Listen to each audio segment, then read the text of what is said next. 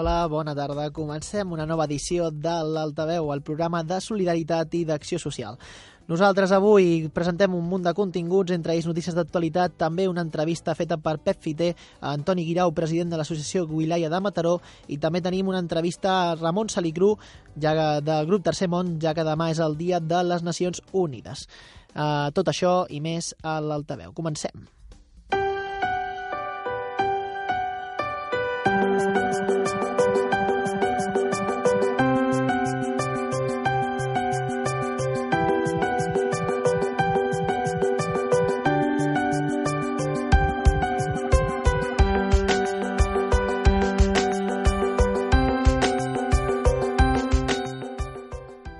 Comencem, com sempre, destacant les notícies d'actualitat. Avui l'ajut Pepa... Comencem amb l'ajut Pepa Maca 2018 que recau a Eco Maresma, una cooperativa agroecològica que compta amb nou projectes socis i que a través d'una producció agrària ecològica i biodiversa de proximitat han creat una xarxa social de consum local i directe.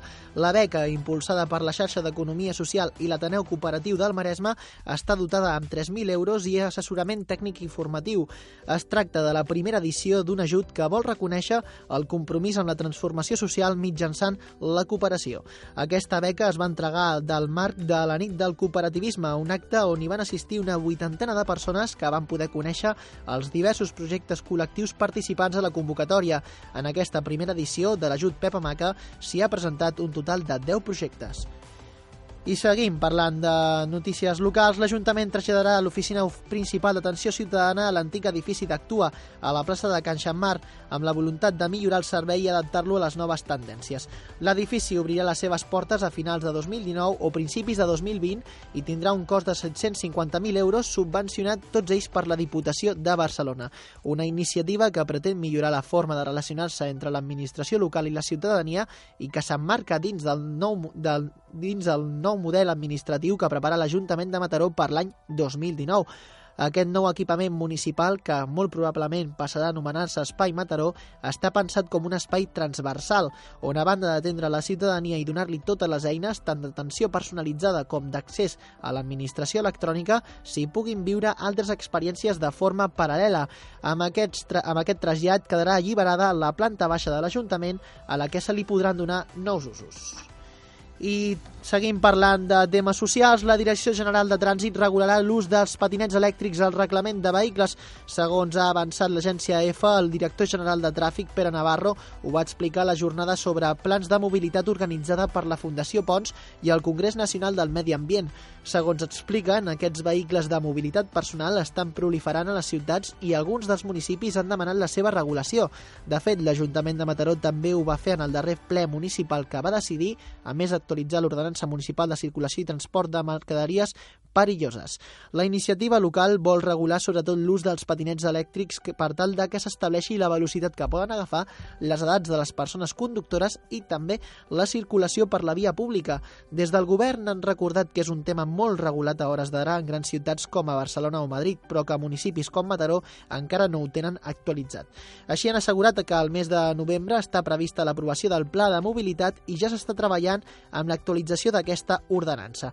Des del govern també han anunciat que de cara als actes que se celebraran per la Setmana de Mobilitat Sostenible està previst que el 30 d'octubre es faci una jornada monogràfica sobre els nous paradigmes de mobilitat a les ciutats, amb especial atenció als vehicles de mobilitat personal, com per exemple els patinets elèctrics. I acabem parlant de cultura. Després de passar per Mataró, la Junquera, Prada de Conflent o Madrid, l'espectacle Peirot 42 tancarà gira de presentació aquest octubre a la sala d'Argentona i, a la sala, i a la sala Ovidi Montlló de l'Institut de Teatre de Barcelona. De fet, a l'escenari barceloní serà quan l'espectacle estarà més a prop del lloc on va néixer l'anarcosindicalista Joan Peiró, al barri de Sants. Un espectacle relacionat amb el documental produït per la productora mataronina Clac i ho barreja amb música i teatre per explicar la vida de Peiró. L'espectacle compta amb la participació dels 50 músics de l'Orquestra de Mataró, un cor de 23 cantaires creat expressament per l'ocasió i del duet format per Borja Penalba i Mireia Vives. En l'apartat escènic intervenen Jaume Manller Notxa, David Pruna, David Pruna i Izaskun Larrea, tots tres vinculats a l'aula de teatre de Mataró. A Argentona l'espectacle es podrà veure el 26 d'octubre en el marc de la cinquena setmana de la memòria històrica, mentre que la sala Ovidi Montlló de Barcelona es podrà veure el 28 d'octubre. Això són totes les notícies del dia, ara passem a l'entrevista.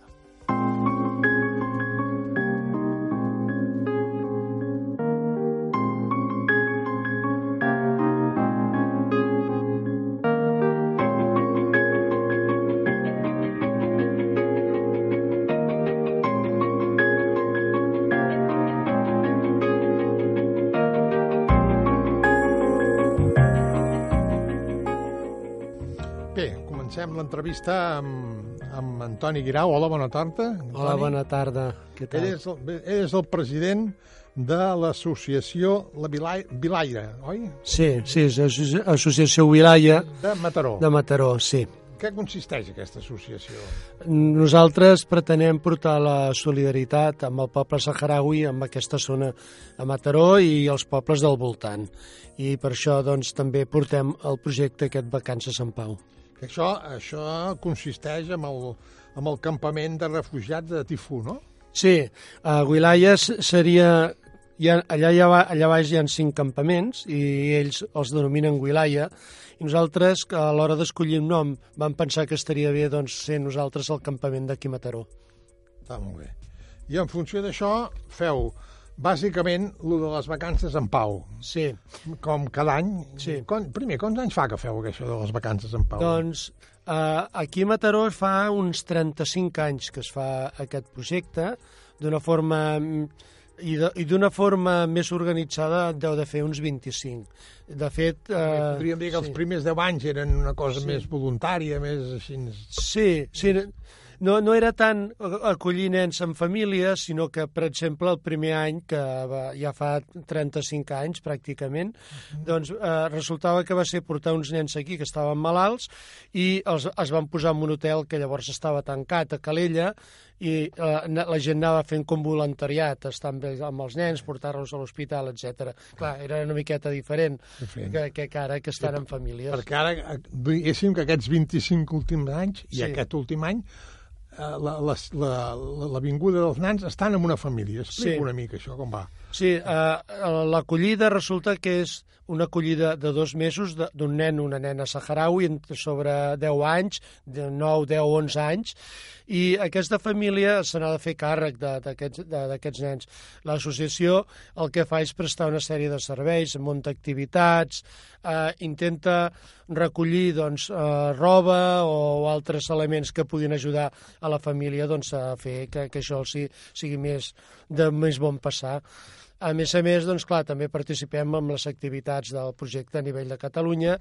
Intentem també donar una miqueta de, eh, de fer alguna activitat amb, amb l'Ajuntament respectiu, en aquest cas Mataró, Argentona, etc. Que els diferents pobles que, que assisteixen a aquests nanos són de l'entorn de Catalunya o de l'entorn del Maresme o, o, o tot Catalunya? Sí, eh, nosaltres participem d'un projecte que és eh, de tot Catalunya pràcticament, hi ha el projecte també a to, als diferents llocs d'Espanya, o sigui, a, a nivell d'Espanya, i hi ha algun lloc europeu que també ho fan. Clar, nosaltres, al ser una associació local, doncs, som els que portem, doncs, com si diguéssim, la zona de, del Maresme Sud, de, de, des de Llavaneres fins a Montgat. I llavors, quins pobles hi participen en aquest, sí. en aquest lloc? Va, va variant perquè depèn de la, de la disponibilitat de les famílies. Uh, aquest any hem tingut famílies a Dos Rius, a Mataró, a Argentona, a Cabrera, a Premià, vull dir que hem tingut una bona representació comarcal aquest perquè any. Quants, quants nanos heu tingut? Doncs mira, cinc a Mataró, quatre que han estat a Argentona i després un respectivament a Premià, a, a Cabrera i i a Dos Rius. Això serien uns 12 nanos. Sí, 12 nanos amb aquesta zona d'aquí. Aquesta, aquesta xifra ha augmentat respecte a l'anys anteriors o s'ha mantingut? Bueno, hem, estem en un moment doncs, que es va mantenint, potser anem una miqueta a l'alça. És veritat que quan hi va haver aquella crisi de, a partir del 2008 va haver-hi una davallada perquè, eh, clar, la gent segurament tenia altres prioritats, però ara que l'economia s'ha estabilitzat, doncs tornem a tenir la solidaritat I, a més a més, eh, s'hi van incorporant famílies joves, que això és molt interessant, perquè clar, un, un dels objectius que nosaltres tenim és que és rejuvenir l'associació i fer-la doncs, bueno, més, més atractiva doncs, a les noves generacions. Una cosa que, que, que em recordo que deia l'any anterior, que val la pena recordar, mm. Aquests nanos que estan en aquestes famílies també fan unes visites a l'hospital, no? Visites sí, sanitàries. Sí, sí. O sigui, un control sanitari d'aquests nanos, sí, oi, que sí. es fa? Sí, sí. Uh, aquest any, a, a banda de les visites que, que fem, uh, aquest any ho hem fet els respectius CAPs, de, perquè, esclar, portar-los a l'Hospital de Mataró al final era un, no, no era un problema, però era incòmode. Sí. Hem aconseguit doncs, que a cada CAP doncs, visiten els nanos, però a més a més també hem tingut doncs, eh, alguna col·laboració de, de metges particulars que els hi han mirat la vista, que els hi han eh, les dents, etc. perquè, clar, eh, intentem que sigui tot una, una visita sanitària el més completa possible. Llavors, suposo que això ho estem parlant en el mes d'octubre, mm. això es va, es va realitzar durant el mes de juliol, agost? Sí, uh, són durant dos mesos, els dos mesos d'estiu més forts, juliol i agost, aproximadament, perquè solen venir des a partir de Sant Joan, i aquest any han vingut en diverses, diverses tongades.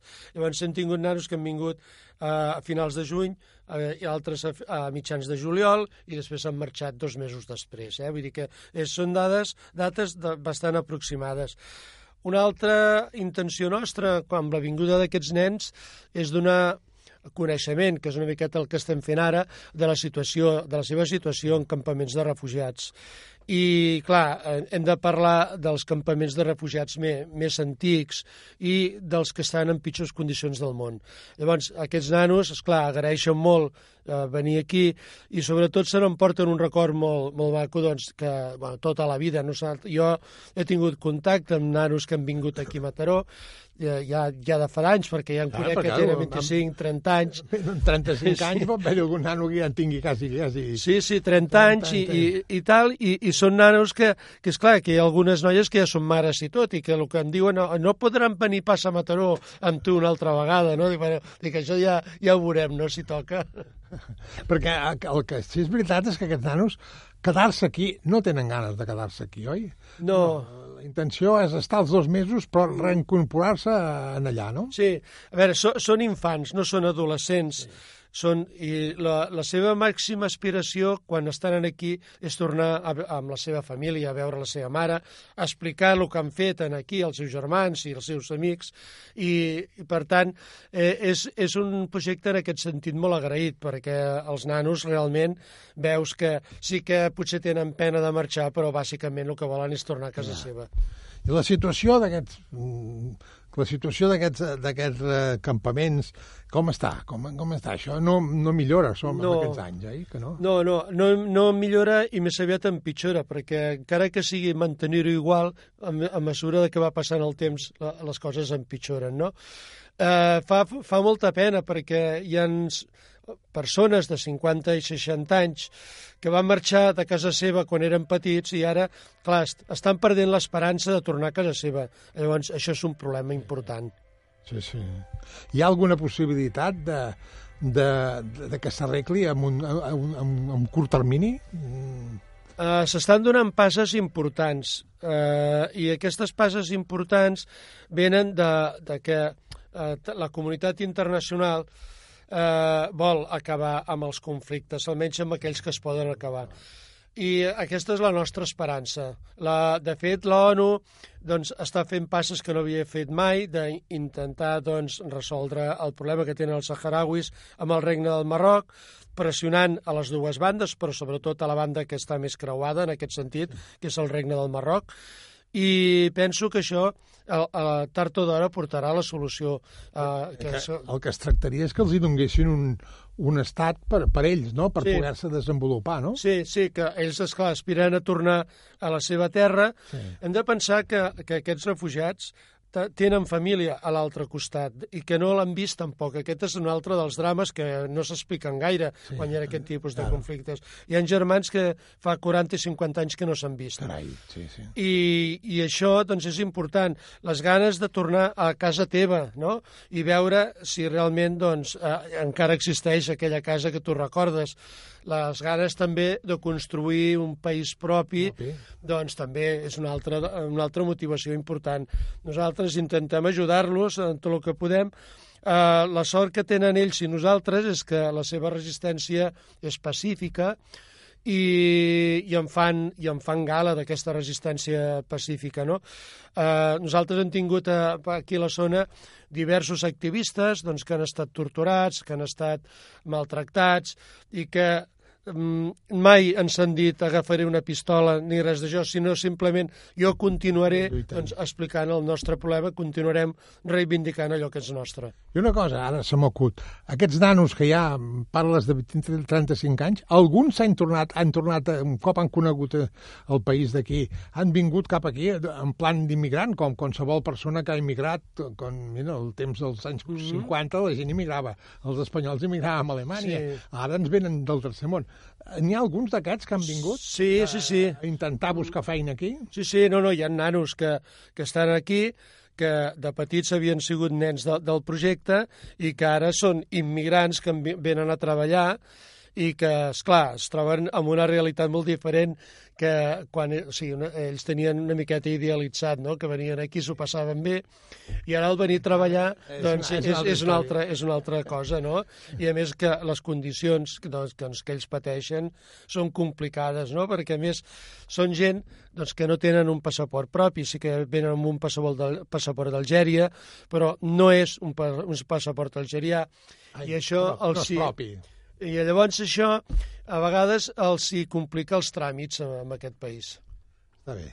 Eh, al marge de, de, de fer les vacances en pau, que, bueno, ara, abans de tanquem aquí, ara ja hem acabat les de l'any 2018. Suposo que ja esteu preparant les del 2019, no? Sí, sí, de fet, eh, fa pocs dies vam fer una reunió amb les famílies de valoració del projecte i clar, ja els hi van començar a dir que comptàvem amb les famílies pel proper any. De fet, bueno, la, la resposta per nosaltres és molt positiva perquè tenim un grup de famílies que, que, que, ens, que ens agrada molt perquè estan molt pels nens, estan molt pe, pel projecte i, i això sempre és gratificant, no? Bueno, a, a banda d'això també, és clar, evidentment intentem mantenir viva la, la, la flama de, de, de l'associació, i acostumem a fer doncs, una sèrie d'actes, no? passant documentals, fent xerrades, intentem fer algun tipus d'exposició, en fi, intentem també portar algun projecte petitó, però que, que sigui assumible per nosaltres, als campaments, i, i això doncs, ens dona una miqueta de vida, no? i també fa que gent que, que s'intenti enganxar d'alguna manera. O sigui que, la, que ara ja comenceu la campanya també per buscar voluntaris sí perquè l'any passat, o fa dos anys, recordo que hi havia una manca de voluntaris, sí. que ja ho has dit abans, com d'allò, que em recordo que ho vam estar dient diverses vegades en el mm. programa, a veure si volia voluntaris. Sí, sí, Això... bueno, nosaltres ens encantaria. A més, tenim un ajuntament que, que està molt obert a, a participar en aquest, tipus, en aquest projecte en concret, per, per dic per el que nosaltres coneguem, i que sempre ens animen, perquè sempre ens diuen, ostres, a Mataró tenim poques famílies, que a veure si podríem, poguessin tenir més.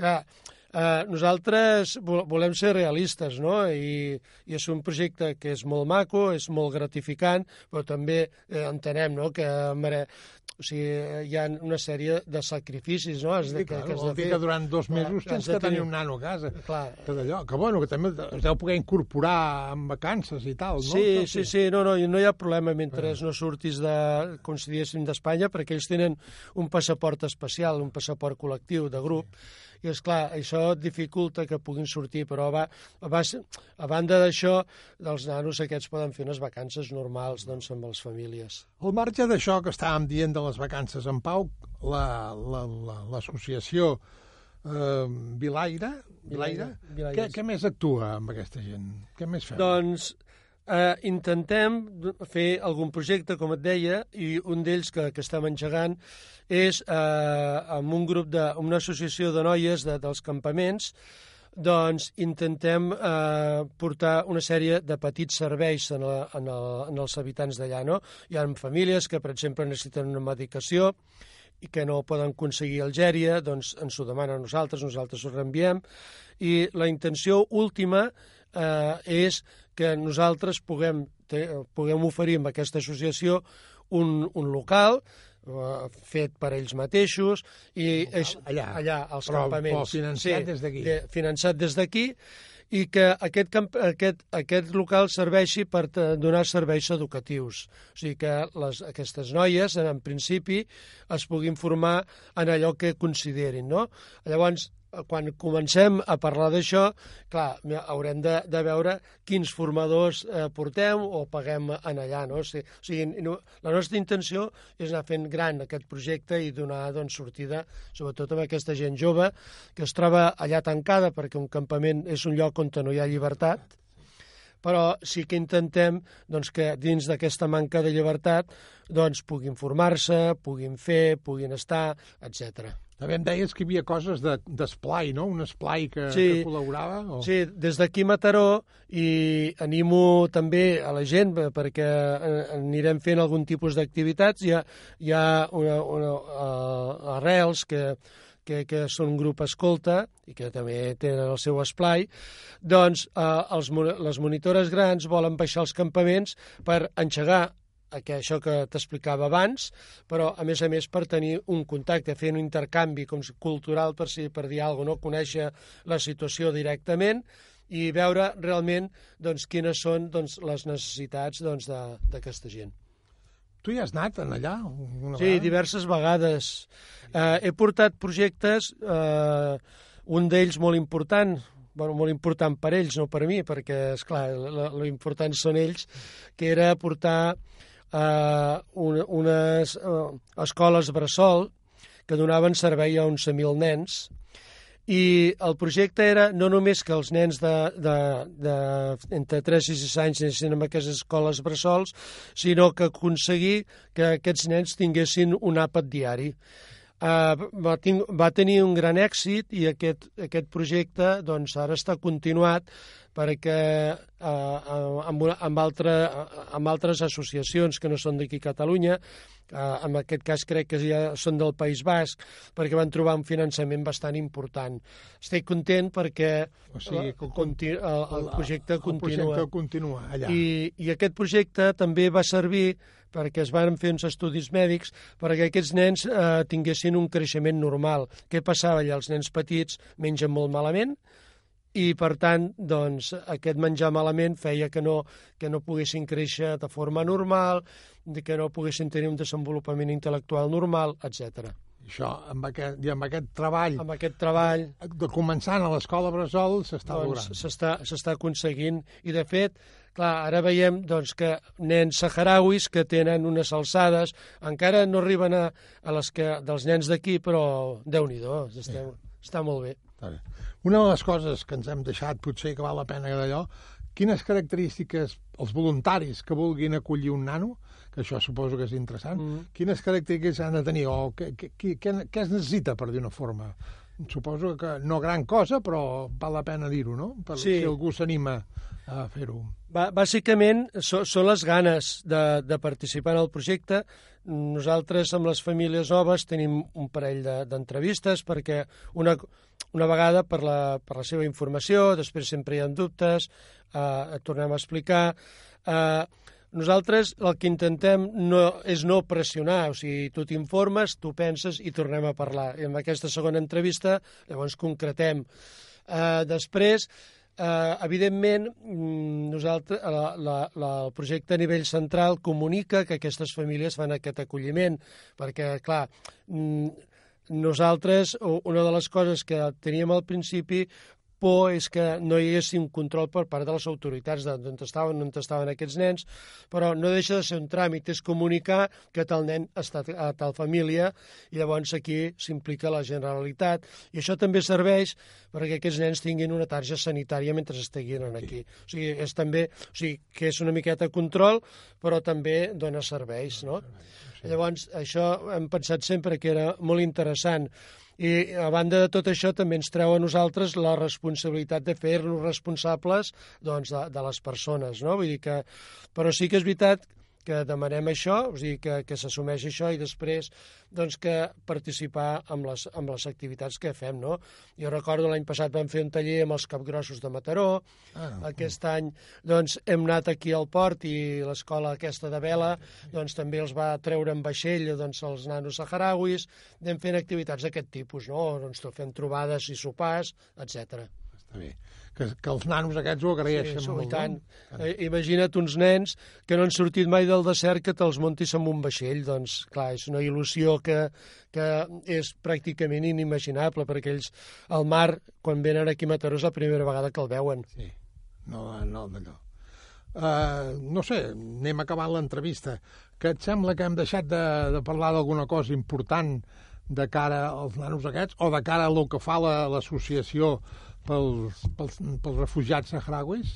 Bueno, eh, jo simplement voldria animar la gent a conèixer el conflicte, a intentar que participin en les nostres activitats, si pot ser. Eh, una de, dels esforços més grans que, que, que tenim nosaltres clar, eh, és explicar que no només portem nens o nenes morenetes, que, que són molt monos i que venen aquí, sinó que aquests nens morene, i aquestes nenes morenetes eh, pateixen un conflicte i que aquest conflicte fa que no es puguin plantejar a tenir una vida normal, sinó que s'hagin de, de plantejar doncs, viure a, en un lloc on no tenen llibertat o a marxar de, de, de casa seva. Llavors, nosaltres eh, intentem, sobretot, donar a conèixer aquest tema i, donar, i, i sobretot això, que la gent no vegi només un nen o una nena simpàtica o guapa o lletja, sinó que vegi doncs, que aquí hi ha un problema. No, I que no es tracta de fer una caritat, no? No, no, és, es tracta de donar una ajuda a uns nanos mm. que això els hi pot servir per després quan arribin al seu país, no? Sí, sí. sí. No, sí, sí. Ells tenen, a veure, tenen una cultura, els saharauis, és una cultura molt oberta, és una cultura eh, de, de, dels mercaders de, de, del desert, no? perquè eren, ells eren els que portaven doncs, la, els materials de, de la costa de, del Senegal fins al Marroc. Doncs és una cultura molt oberta i el contacte amb altres cultures els enriqueix molt, perquè és el que fan, el que han fet tota la vida. Eh, clar, aquest és un altre de, de les raons que, que pels que ells, els hi és bo doncs, sortir d'allà, no? Una cultura acostumada a tractar amb altres cultures tancades en un campament de refugiats, doncs... Eh, queda, que, queda limitat. Queda molt, molt, molt limitat. limitat. Venint aquí, doncs, eh, els hi obre aquestes portes que sempre han tingut. Està bé. Molt bé, Toni, em sembla que hem desgranat una mica el que es tracta de d'allò, eh, pues només eh, agrair-te la teva participació en el d'allò i esperem que el pròxim any el puguem augmentar el número de nanos acollits. Perquè si tenim més famílies, nanos n'hi ha? Sí, sí, n'hi ha, mm, hi ha nanos. Eh, si, eh, jo abans parlava d'11.000 nanos entre 3 i 6 anys. Eh, a Catalunya venen 400 nanos i, vull dir que molts s'han de quedar allà, no sortiran mai de, dels campaments de refugiats o no sortiran mentre es puguin. Per tant, penso que, que hem de fer un esforç tots plegats. I que un voluntari més sempre sí, és un sí, nano sí, més que pot venir. és un nano més. I aquest any ho, ho, hem, ho, hem, ho hem aconseguit perquè hi havia uns nanos que ja s'havien quedat en allà i ens van dir, ostres, que si eh, hi ha uns nens que si no venen aquesta vegada ja no sortiran i van fer a última hora una campanya el mes de juliol i van aconseguir portar un, un aquí, una nena aquí, aquí a premiar.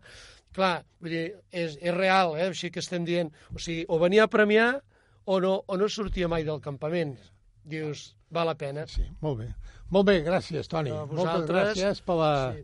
per l'entrevista i pel el desgranar, explicar-nos tot el que és el, el, la, el que fa l'associació i aquest, aquestes vacances en pau. Molt bé, moltes gràcies a vosaltres per ajudar-nos a difondre la nostra feina. Molt bé.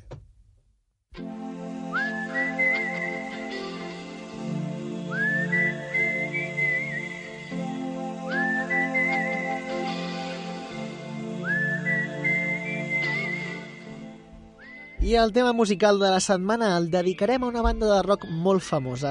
Segurament molts de vosaltres coneixereu el grup Scorpions. La banda alemanya va publicar el 1990 l'àlbum Crazy World, on es troba el tema que esteu escoltant en aquests moments, Wind of Change, que va tenir una gran repercussió. Penseu que estàvem en plena guerra freda i la cançó de Scorpions precisament plantejava un món de peu un món de pau, perdoneu, sense divisions. Un desig que encara segueix viu avui en dia amb molts de nosaltres.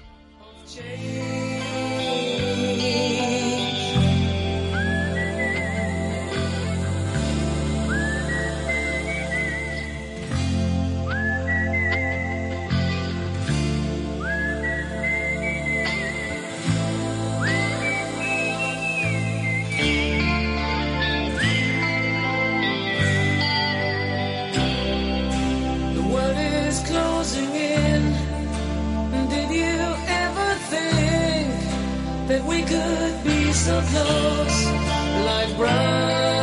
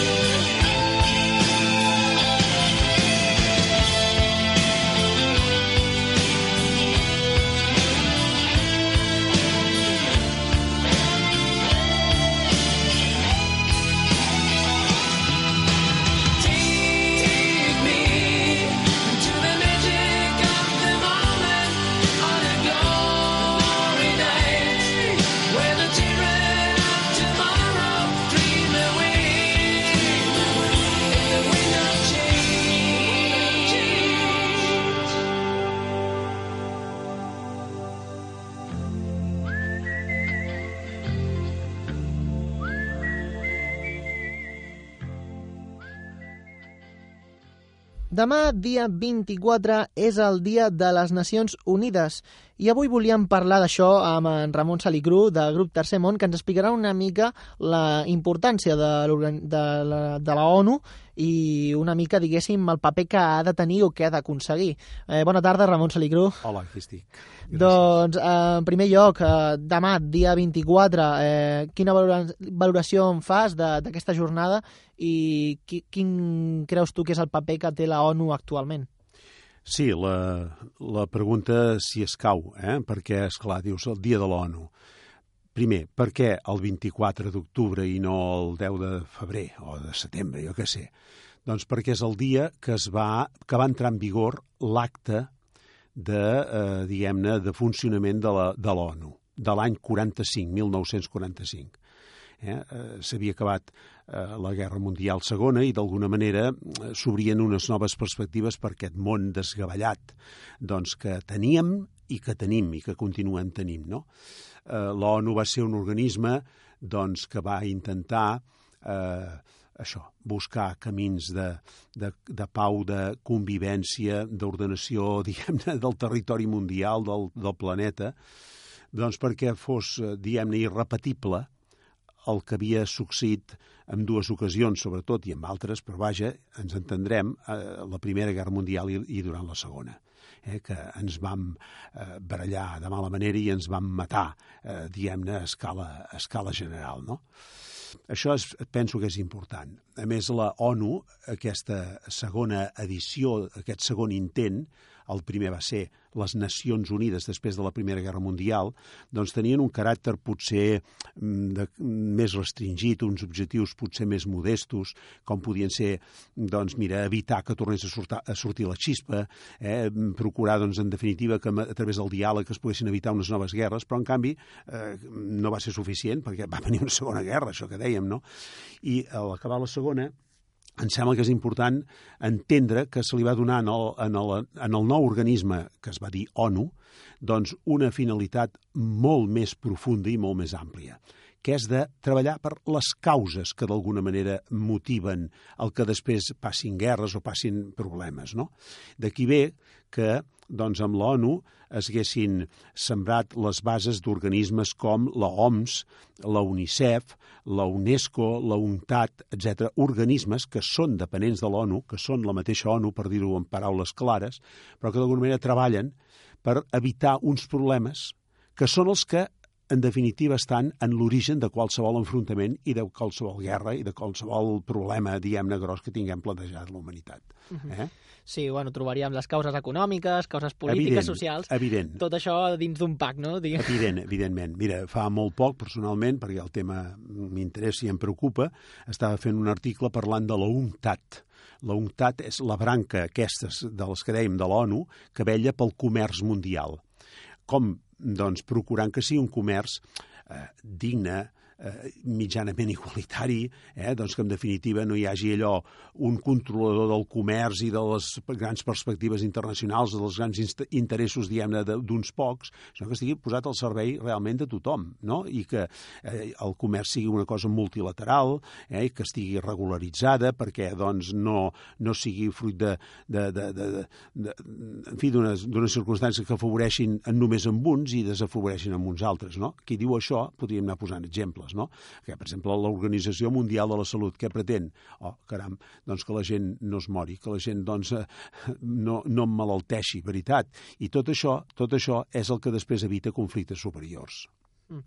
La ONU, quan va aparèixer, com bé deies, el 1945, eh, va tenir la seva primera baralla eh, amb la Guerra Freda, la Guerra sí, Freda que va durar doncs, un munt d'anys, sí, sí. fins al 91, si no m'equivoco. Bueno, 89 hi ha el caigut del murall de Berlín, etc. Aproximadament. Sí, sí. Eh, clar, és a dir, la ONU havia de, diguéssim, dialogar o posar-se entre, eh, enmig entre dos models econòmics i socials totalment diferents. Llavors, eh, quin paper va tenir durant aquesta etapa? Bueno, el paper de mm, d'intentar fer de pont i va evitar molts conflictes o va almenys frenar i mm, va poder aturar, o posa-li el verb que vulguis, doncs conflictes mm, que, que haguessin esclatat amb molta més violència de la que potser ja van esclatar. Per exemple, per exemple, el conflicte àrab-israelita eh? o el conflicte de la guerra del Vietnam, que tots estan immersos dintre d'aquest paràmetres que tu deies de la Guerra Freda. No? Eh, era fàcil veure com en aquestes guerres més localitzades doncs, els Estats Units es posaven en un cantó, com aquell que diu, i, i, i l'URSS es posava a l'altre cantó. No? I, I ja està, i aquest era el problema. No? Tot i això, jo penso que, déu nhi les coses que es va aturar, eh, les guerres que es van poder frenar o que es van eh, relativament controlar. El paper, per exemple, que ha fet el, els cascos blaus, l'Organització de les Nacions Unides eh, des del punt de vista, diguem-ne, d'atendre aquestes qüestions de, de caire militar, jo crec que és important. És important. Que, que hagués pogut funcionar molt millor, per descomptat, que se li hagués pogut donar la volta, no cal ni dir-ho. Eh? Per això i d'aquí que, que n'estem parlant ara, doncs jo crec que arriba el moment amb unes noves perspectives, havent superat la Guerra Freda, ara estem posats tots, com aquell que diu, amb un mateix vaixell i hem de remar amb, amb la mateixa línia, m'atreviria a dir que és la de fer un món que l'hem globalitzat o que s'ha globalitzat que ara ja no hi ha fronteres, que s'han petitit, és a dir, que la gent es trasllada amunt i avall amb unes facilitats extraordinàries, eh, tot això que mm, en diem la globalització i que molta gent ha criticat, amb raó, perquè doncs, ha comportat tota una sèrie de problemes, deu tenir també les seves, diem-ne, parts positives, que és la de poder mirar el, el món d'una manera més de conjunt. I si avui dia algú pot mirar aquesta perspectiva de conjunt, jo crec que és la ONU. Uh -huh. mm? eh, justament has dit una cosa que eh, m'ha sobtat perquè la ONU mm. eh, és una organització que no posa fronteres, però en principi però dic en el context actual sí. que tenim una... Bueno, hem mm. tingut mm. diverses onades de refugiats i encara sí, sí, continuen sí, sí. les sí. guerres que hi ha a, a, a l'est. Sí. Um, diguéssim, mm, clar, el paper, el paper de la ONU, què, què pot fer la ONU davant de diferents països que suposen o que volen posar, diguéssim, barreres perquè aquests refugiats tampoc entrin. És a dir, a veure, és un, és un problema gran. Evidentment, evidentment. Jo no dic que, eh, que siguin fàcils de resoldre i que l'ONU tingués el, el, el, el, totes les possibilitats de resoldre aquests problemes. Això només es fa dialogant perquè, mm, evidentment, jo he dit per una expressió que fos entenedora, no? que no hi hagin fronteres. Però jo entenc perfectament que cada poble té el seu dret a autoorganitzar-se d'alguna manera, en major o menor grau, però el que sí que també tinc molt clar és que ha de ser amb aquesta visió de conjunt, que d'alguna manera no trenqui el que en podríem dir la, la unitat d'acció més, més, més, gener, més general. No sé si m'explico, no? Jo estic abogant, eh, d'alguna manera, per una reforma profunda, jo i molts organismes, eh, eh, una reforma profunda de l'ONU. Perquè precisament abandoni tots els, el que podríem dir, els, els seus hàndicaps i els seus problemes i les seves visions encara de, de passat i eh, dongui aquest enfoc novedós de mirar endavant de quins hàndicaps estaríem parlant? Mira, n'hi ha un que és per mi el més greu i el més clar, que és el que en l'ONU hi hagin països de primera i països de segona. I països de primera són pocs, són cinc. Són cinc, són exactament Estats Units, França, Anglaterra, eh, mm, la Xina i Rússia. Aquests cinc països tenen la pella pel mànec, com diem vulgarment, perquè tenen la possibilitat de vetar una resolució que d'alguna manera hagi fet doncs, l'ONU a través dels seus organismes, eh, diguem-ne, mm, eh, previs, eh, l'Assemblea General, o que sigui, no? Eh, això s'ha de reestructurar no pot ser, no pot ser que això vagi així. Jo entenc perfectament que són els fundadors i que en aquella època es reservat, per dir d'una manera, el dret doncs, a intervenir, eh, perquè en definitiva van ser els promotors de la causa. Però estem en l'any 2018, no estem en el 1945, i tot això, de cara a garantir la pau al món, etc s'ha d'estructurar d'una altra manera. Esclar, potser algú que m'estigui escoltant dirà que aquest està somiant truites, ja ho he insinuat abans.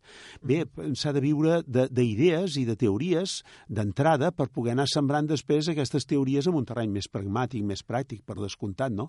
Però s'ha de tenir ben clar quin és l'objectiu. I l'objectiu és que, en definitiva, en, en, en proporció no sé quina exactament ni com fer-ho, però vull dir que tots els pobles del món tinguin, d'alguna manera, mm, veu i vot eh, en, en adoptar unes decisions que puguin afectar en aquest món, que és de tots, perquè és que allò que dèiem que no hi ha fronteres, eh? la problemàtica de la contaminació atmosfèrica, de l'escalfament de la Terra, no té fronteres. M'explico, ja, tu ja pots dibuixar amb un mapa allà una ratlla que digui aquí s'acaba un país i en comença un altre, quan tot això està superat amb totes aquestes circumstàncies que dèiem, no? Mm -hmm. uh també és com Ramon Salicru de grup de Semon, és com, jo penso, o bueno, opino que, sí. o sigui, dona la sensació de que és com un peix que es mossega la cua, no? Boníssim. Perquè si es vol reformar la, la, la ONU, però hi ha cinc països que tenen el dret a veto i que poden, diguéssim, prohibir aquests canvis, llavors mm, no hi ha res a fer, és a dir, nosaltres com a, com a país que no forma part d'aquest grup de decisió, eh, poca cosa es pot fer. O, què, què creus tu que, que hauríem... Hi ha alguna via per, per poder canviar, canviar això? Eh, debatre debatre i parlar. Jo sóc de les persones que penso que molts problemes del món no tenen cap altra solució, sinó que és parlar, parlar, anar creant consciència i eh, eh, que arribi un moment, eh, torno a repetir, difícil, eh?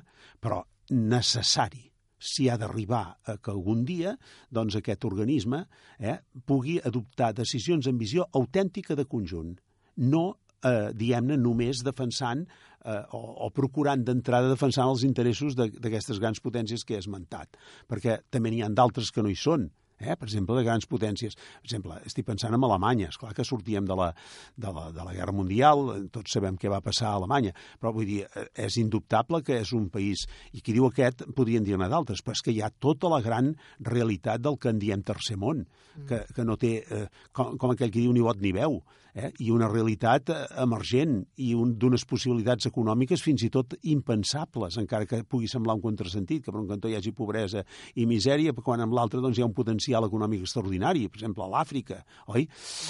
Com es pot fer? Doncs no ho sé, és clar si jo tingués la solució, però el que s'ha de fer és debatre, parlar, mirar d'anar conscienciant. Clar que, quan et trobes amb, amb personatges, per exemple, i ho dic amb claretat meridiana, com l'actual president dels Estats Units, que més aviat sembla que remi cap a l'altre cantó, malament rai, però, mm, en fi, no hi mal que dure 100 anys, que diuen en, en castellà. Es tracta d'anar marcant unes pistes noves, veritat, doncs amb, amb més eh, situació igualitària diguéssim que s'ha d'aconseguir marcar, o sigui, canviar esclar. la, la consciència esclar, actual de la població. Esclar, no només clar, depèn de, de que un país... Home, si un país està disposat a negociar és perquè darrere el seu poble... Evidentment, vol també canviar les coses, però això estem parlant d'un canvi que pot, que pot durar un segle o, o més. Evidentment. N'estic convençut que són, és un canvi a llarga distància, però en canvi a curta distància poden haver-hi doncs, realitats i, diguem-ne, funcionaments pràctics doncs, que d'alguna manera vagin també obrint camí en aquest sentit. Per exemple, defensor eh, a l'extrem dels denominats Objectius de Desenvolupament Sostenible de l'any 2030 això és, és d'aquí 10 anys, per dir-ho d'una manera. Treballar per què? Doncs perquè es puguin aconseguir tota una sèrie de pautes que llavors afecten per un igual a tothom. I aquest afectar per un igual a tothom és la clau de tot. I llavors, doncs, per aquí es poden anar a obrir camins, m'explico. Eh, difícil, és clar, és que si fos tan fàcil ja, ja, ja, ja estaria resolt els problemes del món, eh? però ens toca ara a nosaltres i a les generacions que vinguin, doncs anar obrint camí. Però jo, per començar, penso que ens toca a nosaltres ara, que som els que estem aquí vius. De fet, de, de fet ja, ja, ja vam comentar això un altre, un altre programa que vas venir i vam parlar Cert. de l'agenda 2030, Cert. eh, que són uns objectius que si ens, si ens els pot recordar... Eh, Sí, és clar, això és, eh, segurament que tindrem l'ocasió de parlar-ne, però estic pensant ara, per exemple, l'objectiu número 1, el tinc aquí davant, eh? posar fi a la pobresa en totes les seves formes, en tot el món.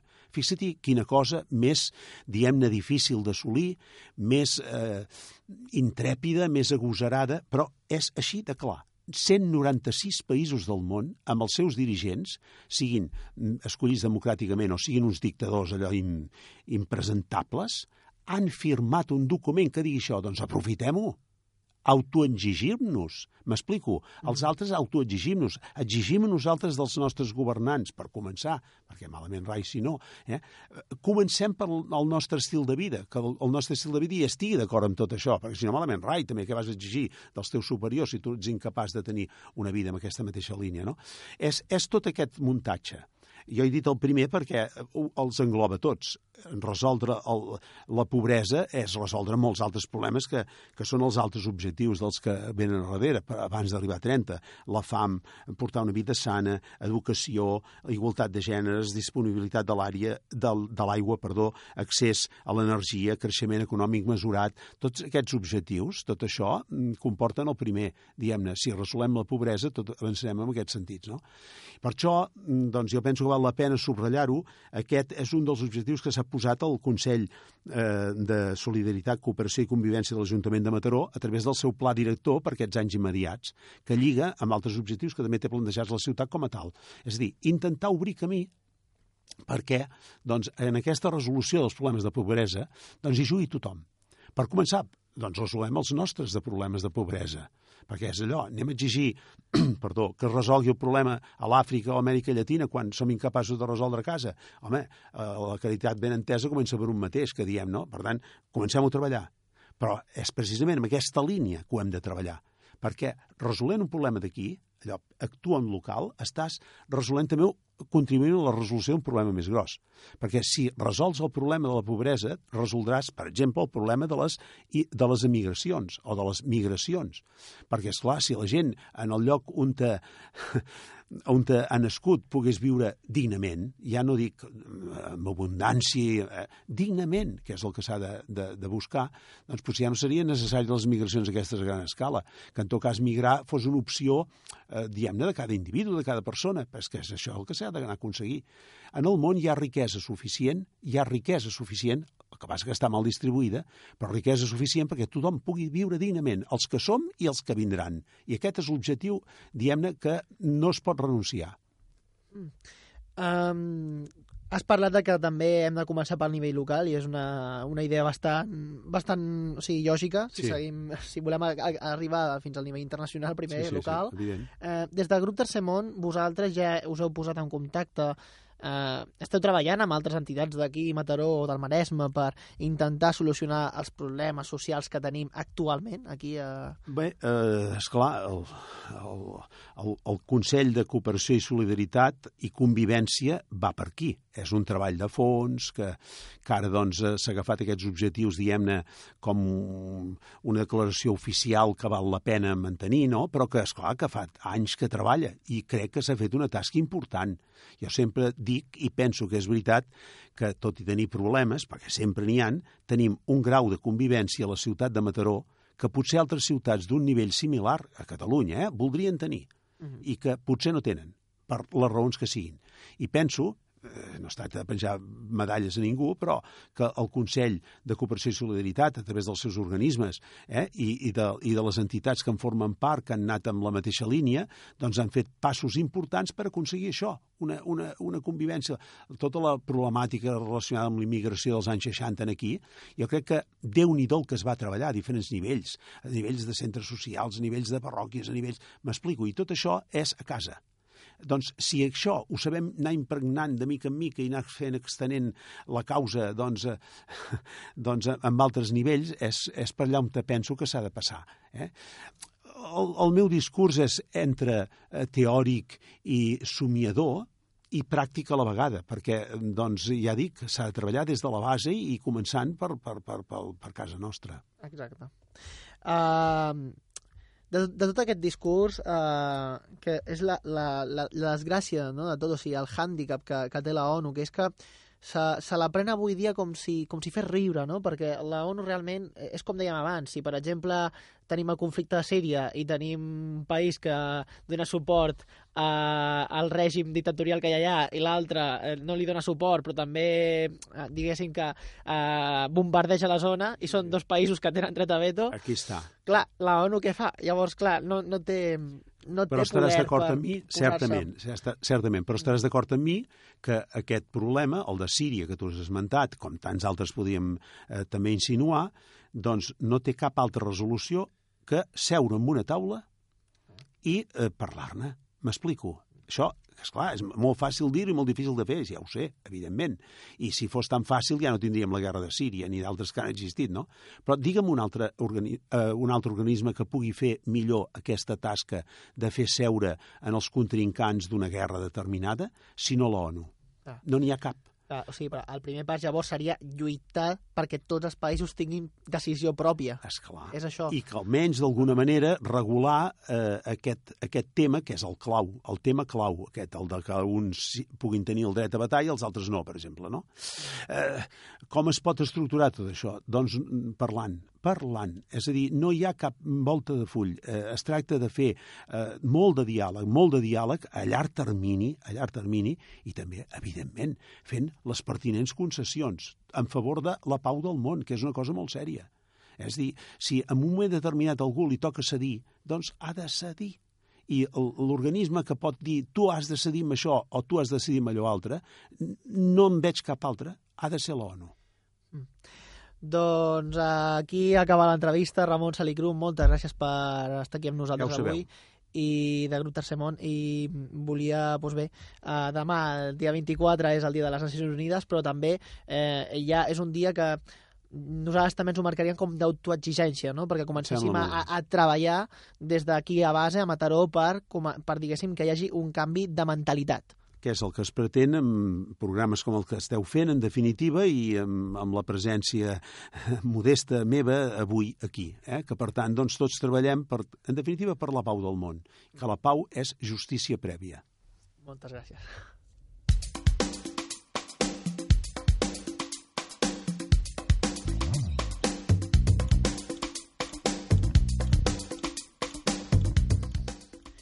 Doncs bé, aquí acaba aquesta nova edició de l'Altaveu. Recordem que aquest programa ha sigut possible gràcies a Pep Fiter, Pere González a les vies de so i qui us ha parlat Javier Méndez. Recordem també que aquest programa el podeu escoltar a través de l'e-books, busqueu Altaveu i ho trobareu, i també podeu posar-vos en contacte amb nosaltres si voleu a través de Mataró Audiovisual. Que vagi bé, bona tarda i fins la propera.